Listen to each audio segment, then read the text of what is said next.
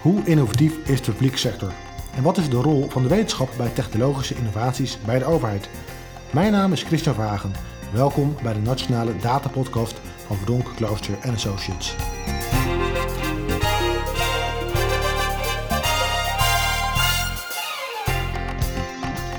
Welkom bij de Nationale Data Podcast, de podcast over en voor data-gedreven organisaties. Met inspirerende gasten, tips, dilemma's en inzichten over het gebruik van data, algoritmes en artificial intelligence in de publieke sector. Mijn naam is Christian Wagen en mijn gast vandaag is professor Dr. Albert Meijer, hoogleraar publieke innovatie bij de Universiteit Utrecht. Albert, welkom. Uh, je doet onderzoek naar uh, uh, innovatie in de publieke sector. Mag je dan gelijk ook vragen hoe innovatief is de publieke sector eigenlijk? Nou, dat is een goede vraag er zijn veel discussies over. Lang ontstond het beeld eigenlijk dat de publieke sector eigenlijk heel conservatief was. Het bedrijfsleven veel sneller kon, uh, kon innoveren, veel sneller uh, zaken uh, tot zich kon nemen. Maar daar is toch wel de nodige nuanceringen zijn er de laatste tijd in gekomen.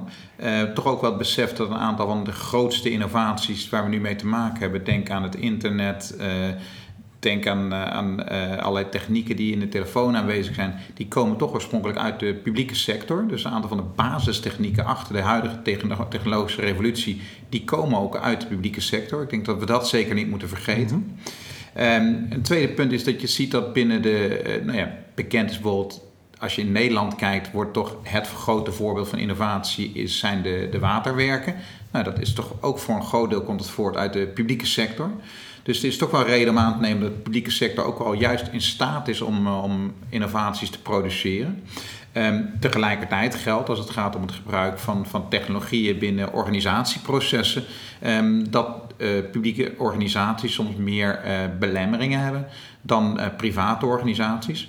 Maar daarbij moeten we ook niet vergeten dat die belemmeringen niet voor niets bestaan. Dat die mhm. belemmeringen er ook zijn omdat um, vanwege het rechtsstatelijk karakter van de publieke sector en het gaat erom dat er allerlei uh, stabiliteit in de sector zit, allerlei checks en balances, allerlei waarborgen die we met z'n allen democratisch hebben afgesproken en die ook uh, bedoeld zijn om burgers bepaalde zekerheid te geven. Dus dat is eigenlijk een soort reden waarom innovatie beperkt kan zijn. Ja, desalniettemin zijn er denk ik wel grote verschillen in, in, in organisaties, ook in de publieke sector, waar, waar soms een heel erg um, terughoudende houding is ten aanzien van innovatie. En men vooral eigenlijk de, de risico's ziet. Um, maar ik zie ook steeds meer publieke organisaties die juist wel, uh, wel allerlei innovaties durven te omarmen. En binnen die rechtsstatelijke uh, um, kaders die ik net mm -hmm. schetste mm -hmm. en binnen democratische kaders juist wel zoeken naar verbetering. Ja.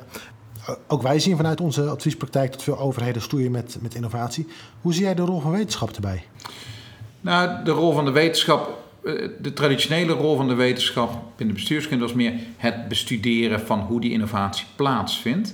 Um, maar wij zijn er de laatste jaren toch steeds meer een andere invulling aan gaan geven. Waar we steeds meer ook zijn gaan kijken van kunnen we niet samen met partijen in de samenleving, en dat gaat zowel om overheidsorganisaties, maar het gaat ook om burgers, stakeholders, kunnen we niet gezamenlijk zoeken naar, uh, naar innovatiepraktijken die gezamenlijk publieke waarde opleveren. Mm -hmm. En wij noemen dat uh, um, uh, living labs. Dus dan zijn we in living labs, zijn we met overheidsorganisaties en stakeholders aan het zoeken naar, naar verbetering. Um, dus daar is wel veel discussie over, is of dat de rol is van de wetenschap. Ik heb soms ook collega's die daar een beetje uh, argwanend naar kijken. Mm -hmm. Die zeggen van ja, leidt dat nog wel tot objectieve, valide kennis wanneer je zelf niet aan de zijlijn staat, maar uh, bezig bent met de innovatie. Um, maar wij denken dat dat juist ook, uh, ook hele diepe kennis kan opleveren, doordat we echt die processen van binnenuit begrijpen. Ik kan het heel concreet maken. We zijn bijvoorbeeld uh, bij de gemeente Gouda zijn we dan bezig rondom het thema open data. Zijn we bezig geweest om te kijken van wat kunnen we nu met open data om een concreet probleem als woonoverlast aan te pakken. Nou, traditioneel onderzoeksdesign zou zijn dat we dat zouden gaan kijken van hoe doet de gemeente Gouda dat, wat gaat er goed, wat gaat er slecht, hoe kunnen we dat wetenschappelijk duiden. -hmm. Maar wat wij meer doen is samen met de gemeente Gouda, met burgers, met verschillende stakeholders gaan we kijken of het op welke manier het ons lukt om die open data waardevol te laten zijn voor het aanpakken van een probleem als woonoverlast. En dan, dan gaat het een onderzoek naar, um, naar open data. Hoe, hoe moet ik hem dat, uh, hoe, hoe, zie ik dat vormen? Hoe, hoe, gaat de, hoe is de samenwerking in dit geval tussen een, een overheid, zoals de gemeente Gouda, en de, de universiteit? En wat zijn de andere stakeholders die daarbij betrokken zijn? Nou, die samenwerking is, we hebben een aantal um, um, rondes gedefinieerd voor dat Living Lab. En uh, nou, voor duidelijk, je moet het echt meer voor, vergelijken met, uh, nou, we hebben het net gehad over Rijkswaterstaat, hoe een vakgroep uh, weg- en waterbouw van de TU Delft zou werken. Dus die gaan veel meer met Rijkswaterstaat dan kijken op welke manier ze dijken kunnen bouwen die daadwerkelijk de bescherming opleveren die nodig is. Nou, zo gaan wij ook in een aantal rondes zijn met de gemeente Gouda en stakeholders, zoals bijvoorbeeld um, instellingen die veel met, uh, met patiënten te maken hebben die woonoverlast kunnen veroorzaken, met woningbouwverenigingen, met sociaal werk. Dus dat zijn allerlei stakeholders die er te maken, mee te maken hebben. Um, er zijn ook een aantal gewone burgers, als je het zo wilt noemen. Mensen die, die als burger betrokken zijn bij dat soort vraagstukken. Vaak uh, zijn dat bewonersorganisaties bij betrokken. En hebben we eerst gekeken van ja, wat, wat zijn nou de, de kennisvragen die leven rondom het probleem van woonoverlast? Um, vervolgens hebben een aantal groepen studenten zijn aan de slag gegaan met die kennisvragen. Die zijn gaan kijken van op, uh, op welke manier kunnen we die kennisvragen beantwoorden op basis van, uh, van open data. Ja. En vervolgens is die kennis eigenlijk teruggegeven aan de verschillende stakeholders. Om te kijken van nou ja, wat voor meerwaarde biedt dat om, uh, ja, om gezamenlijk te werken aan het probleem van woonoverlast. Kanttekening daarbij is wel dat wij eh, niet zo ver zijn gekomen als we hadden gehoopt. En dat is, nou ja, dat is eigen aan deze manier van experimenteel werken. Een van de grote belemmeringen was toch dat de, de uitwisseling van data te beperkt was om echt die kennisvragen te kunnen beantwoorden die we zouden willen beantwoorden. Um, en daarin zien we eigenlijk dat er wel allerlei data aanwezig is. Maar dat een aantal ja, cruciale data, of om privacyredenen, of omdat ze eh, van organisaties zijn die terughoudend zijn ten aanzien van delen van die organisaties, zien we dat we uiteindelijk eh, niet verder zover zijn gekomen als we hadden gehoopt. Dus het onderzoek levert dan belangrijke inzichten in, in de mogelijkheden om met die data te werken. Mm -hmm. Maar in dit geval hebben we niet concrete interventies kunnen uh, opleveren om die woonoverlast aan te pakken. Nee. En binnen die, nou, die Living Labs, daar, daar bijvoorbeeld bij de gemeente Gouda, daar wordt onderzoek gedaan dus naar hoe overheden beter gebruik kunnen maken van, van uh, data, van, van technologie. Eigenlijk hoe overheden beter kunnen gaan innoveren. Um, nu doe je ook veel onderzoek naar hoe overheden uh, slimmer kunnen worden, slimme steden, smart cities. Ja. Um, kun je daar iets vertellen? Wat, wat, wat, wat voor onderzoeken je daar zo al naar doet? Ja, ik, ik, kan denk ik het beste een gewoon heel concreet voorbeeld geven. Met een uh, aantal collega's hier binnen de Universiteit Utrecht en uh, met, uh, met de gemeente Utrecht zijn we nu aan het kijken naar een mobility hub. Dus een, een voorziening om te zorgen dat de mobiliteitsvoorzieningen in de stad worden verbeterd. Heel concreet gaat het om de wijk Merwede Kanaalzone. Dat is een wijk die er gebouwd gaat worden in Utrecht. Um, het is een heel, wordt een heel geconcentreerde wijk met uh, um, ja, veel woningen, maar relatief weinig parkeerplaatsen. En de gemeente die heeft gezegd, ja, we willen ook weinig parkeerplaatsen, want er is geen ruimte om allerlei uh, parkeerplaatsen te creëren. En vooral niet om alle toegangswegen te creëren die nodig zijn om al die auto's daar te brengen. Dus we willen dat, er, uh, dat mensen minder auto's hebben. Dat past ook bij de doelstelling van een duurzame stad. Daarom gaan we het, het, fietsverkeer verbeteren, gaan we het openbaar vervoer verbeteren, maar willen ook kijken naar nieuwe mobiliteitsconcepten. En dat heet dan Mobility as a Service. Dus het idee is dat er een soort uh, um, informatieknooppunt komt dat mensen kunnen gebruiken, waardoor ze uh, ja, mobiliteit op maat kunnen krijgen. Mm -hmm. Heel concreet kan dat gaan om een Uber-achtige voorziening, waar mensen een, via een auto ergens heen gaan, of misschien met meerdere mensen een auto delen, of misschien een combinatie van een auto gekoppeld aan een trein. Dus dat, dat concept is nu aan het ontstaan. En onze toegevoegde waarde is dat wij gaan kijken van wat zijn de publieke waarden die een rol spelen bij het inrichten van zo'n mobiliteitshub. Dus wij gaan dan kijken van hoe kun je die technologische voorziening zo ja. inrichten dat die niet alleen voor een selectieve groep mensen met wat meer geld werkt, dat die ook niet, uh, uh, niet alleen werkt voor mensen die heel goed zijn met technologie en voor oudere mensen of andere mensen die uh, minder geletterd zijn, minder goed werkt. Um, we gaan ook kijken van wat, hoeveel behoefte is er juist aan menselijk contact of willen mensen juist via zo'n technologische interface contact hebben. Dus dat zijn een aantal, aantal spanningspunten die spelen rondom dat concept van die mobiliteitshub, hè, wat, wat heel sterk past bij het idee van die slimme stad. En wij willen gaan kijken van kunnen we die publieke waarden die daar een rol in spelen, kunnen we die identificeren, kunnen we die agenderen en kunnen we een manier vinden waardoor dat die mobiliteitshub um, ook die uh, ja, goed, manier, goede manier omgaat met de verschillende publieke waarden. En die, die publieke waarde, daar, daar begint uiteindelijk ook innovatie mee voor een overheid. Je innoveert om te komen tot een bepaalde publieke waarde. Uh, zie je daar verandering in de laatste jaren, mede als gevolg doordat er steeds meer innovaties, steeds meer technologische vernieuwing zijn, dat er ook meer discussie is wellicht over wat de publieke waarden zouden moeten zijn? Ja, ik denk dat, die, uh, dat er wel een verandering heeft plaatsgevonden. Um, ik denk um, nou, het, het, besef dat publieke waarde meer is dan beleidseffectiviteit, dat is toch wel heel sterk doorgedrongen. Um, een rapport van het Ratenau Instituut heeft daar een belangrijke rol in gespeeld. Opwaarderen. Dat ging heel erg over de vraag van hoe kunnen we zorgen dat de ICT-voorzieningen dat die, dat die passen bij, bij, bij deze tijd. Mm -hmm. um, en ze hebben ook heel erg geagendeerd dat het gaat om meervoudige publieke waarden. En dat als bestuurskundige, uh, je bent zelf ook bestuurskundige, is dat niet vreemd. Hè? We zijn al bezig met publieke waarden en we weten ook dat er allerlei spanningen zijn tussen publieke waarden. Maar daarbij zie je het punt dat het dus niet alleen gaat om inzetten van technologie om effectiviteit van beleid te verbeteren, uh, dat dat onvoldoende is. Dat het ook gaat om zaken als uh, inclusiviteit. Het kan best zijn dat, je, dat de technologie, dat zo'n mobiliteitshub heel mm -hmm. goed werkt, maar dat je merkt dat een groep van 10% van de bevolking daar helemaal geen gebruik van kan maken, omdat ze de, de, de skills niet hebben om daar gebruik van te maken. Ja, dan kun je zeggen het is effectief, want 90% is een prima score. Kijk, als het een bedrijf zou zijn, dan zou je denken, nou we zijn helemaal blij. Maar als overheid moet je dan toch zeggen, nee, we moeten mobiliteitsvoorzieningen bieden voor, voor iedereen. Dus we moeten toch ook naar een manier zoeken om die 10% ja. te adresseren. Um, dus dat zijn typisch die, die publieke waarden. De inclusiviteit zie je sterk aan de orde, de orde komen de laatste tijd. Er is veel aandacht voor ja, mogelijke discriminatie van algoritmen. Uh, recent rond Siri gebruik in Rotterdam is natuurlijk veel, veel discussie over ontstaan. Ik heb veel gekeken naar predictive policing en daar zie je toch ook wel veel discussie over een mogelijke bias in predictive policing-achtige systemen. Dus het hele idee dat bij publieke waarden niet alleen gaat om effectief beleid, maar ook om fair, eerlijk beleid, dat is toch wel veel sterker op de agenda komen te staan.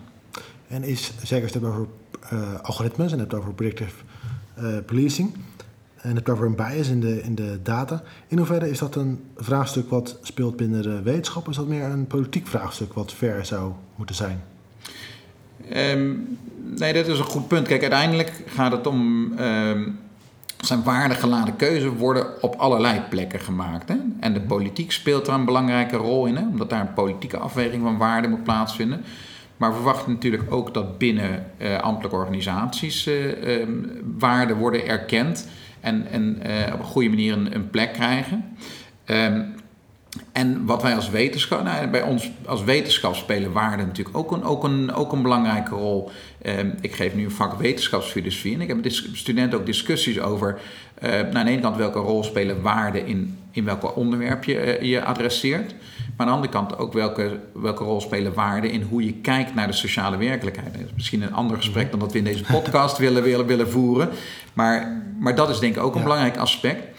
Um, en wat wij vooral in dat onderzoek willen doen, is de, ja, dat noemen we de value sensitivity, de waardegevoeligheid van sociale praktijken versterken. Dus we willen heel sterk op inzetten dat mensen zien wanneer waarden een rol spelen, mm -hmm. dat ze manieren vinden om die waarden aan de orde te stellen in ofwel sociale of politieke interacties. Dus dat die waarden op het juiste niveau worden, worden, worden geadresseerd. Kijk, als ik. Uh, um, uh, ik moet hier ook waardeafwegingen maken binnen, nou, binnen mijn selectie van studenten of binnen de ja. manier waarop ik uh, omga met verschillende groepen studenten in het onderwijs. Maar je hebt ook het college van bestuur die bepaalde waarden moet vastleggen in het beleid. Nou, je hebt de minister van Onderwijs die bepaalde waarden moet vastleggen in het onderwijsbeleid. Ja. Dus we zijn alle drie met die waarden bezig. Nou, binnen technologie speelt dat ook een hele, hele belangrijke rol. Ja, en wij, ik zie het als mijn, als mijn missie eigenlijk om te zorgen dat, dat uh, mensen zien dat die schijnbaar technologische keuze, dat dat waardegeladen keuze zijn. En nu zie je, uh, dat, je die, die, discussie over tot technologie niet neutraal is en tot, tot uh, er in een keuze voor een bepaalde technologie of bij een algoritme ook waarde aan ten grondslag liggen. Die discussie wordt op steeds meer plaatsen gevoerd, ook in de Tweede Kamer op dit moment, maar ook binnen de wetenschap. Is dat iets wat zich wat zich vooral afspeelt binnen Nederland? Heb je daar een beeld bij? Of is dat ook iets wat we internationaal uh, steeds meer zien? Nee, wij zien dat, dat internationaal ook, ook, ook veel. Ik ben zelf uh, voorzitter van een, uh, van een, dat noemen we een permanente study group van, van de European Group for Public Administration. En daar zie je toch dat in, in verschillende landen dat punt een rol speelt.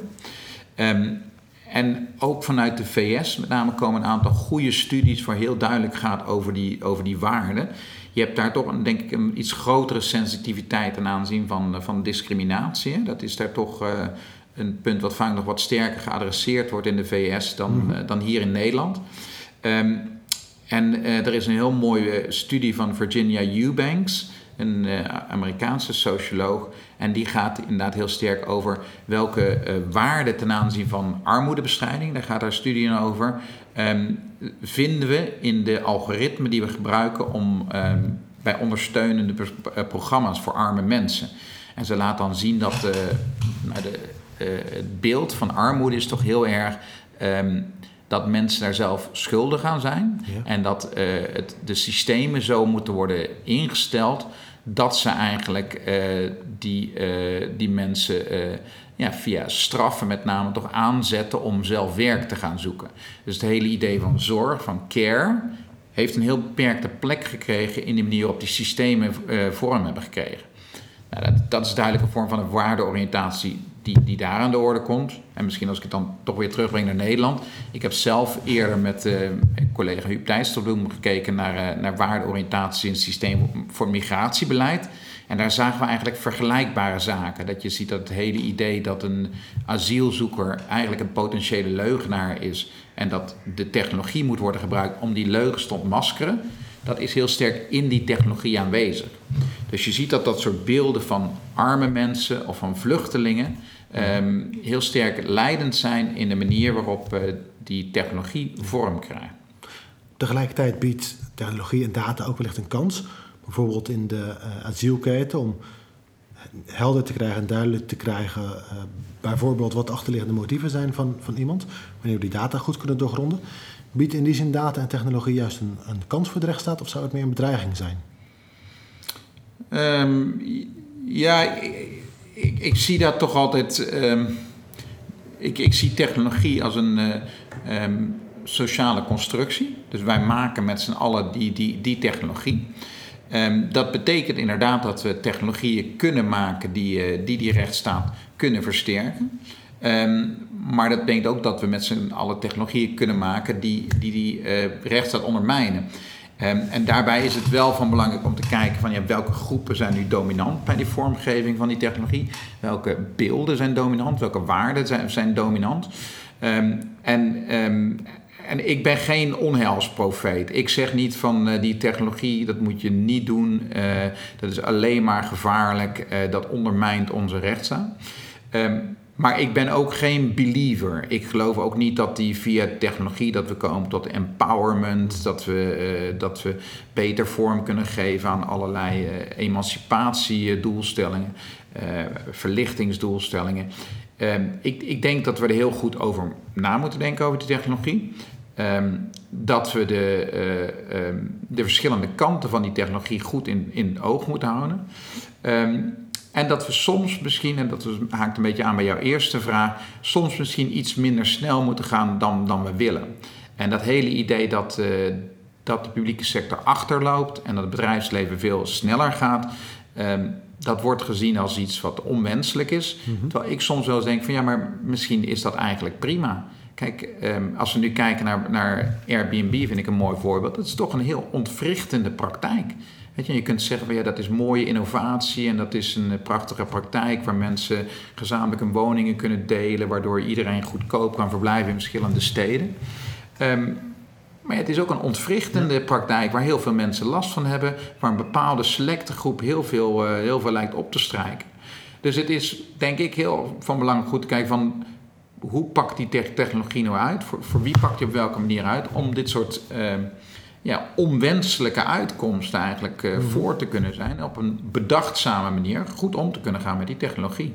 Ja, nu zien we dat de, de opkomst van platformen zoals Airbnb en bijvoorbeeld Uber zich ontwikkelen los van de overheid, maar wel veel maatschappelijke impact hebben. Moet de overheid zich nou proactiever tegen dit soort ontwikkelingen aanbemoeien of misschien juist wat reactiever?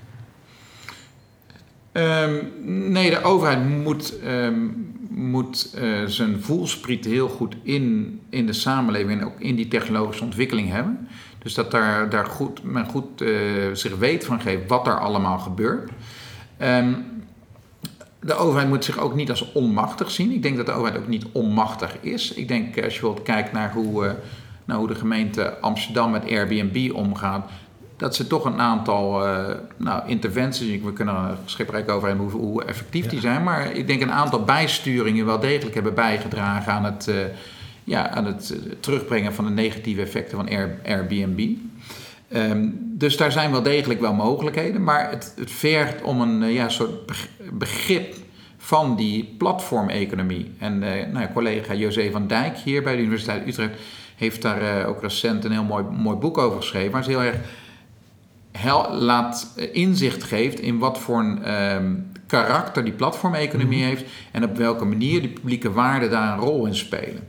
En um, nou, ik denk dat dat heel belangrijk is om op een goede manier regulerend op te kunnen treden. Kijk, ik, ik, ik denk dat het een belangrijke rol van de overheid blijft om, um, om te blijven reguleren in de samenleving, mm -hmm. zodat die, uh, activi de activiteiten niet alleen tot winst voor een selecte groep leiden, profijt van een gelijke groep, maar tot publiek wenselijke uitkomst. Ja, nou, volgens mij ligt er ook nog een mooie rol voor de, voor de wetenschap om daarin te ondersteunen en daar een, uh, inzichten te verschaffen. Ja.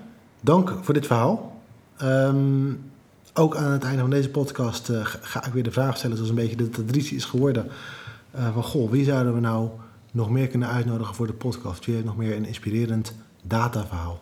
Ja, nou ik zou graag voor de volgende podcast, ik zou je willen aanraden voor de volgende podcast Marcel Taans uit te nodigen. Uh, Marcel Taans is tegenwoordig uh, Chief Information Officer van Noord-Brabant. Helpt wellicht om deze serie podcast even buiten de Randstad uh, te brengen. Heel goed, dankjewel. ja. En tegelijkertijd is hij een heel kundig persoon, omdat hij ook binnen de wetenschap heeft gewerkt, binnen de advieswereld heeft gewerkt en nu binnen de provincie Noord-Brabant. Dus hij kent het vraagstuk vanuit drie kanten. En ik denk dat hij daar een aantal heel interessante dingen over kan zeggen. Dankjewel. Graag gedaan en dank voor de uitnodiging.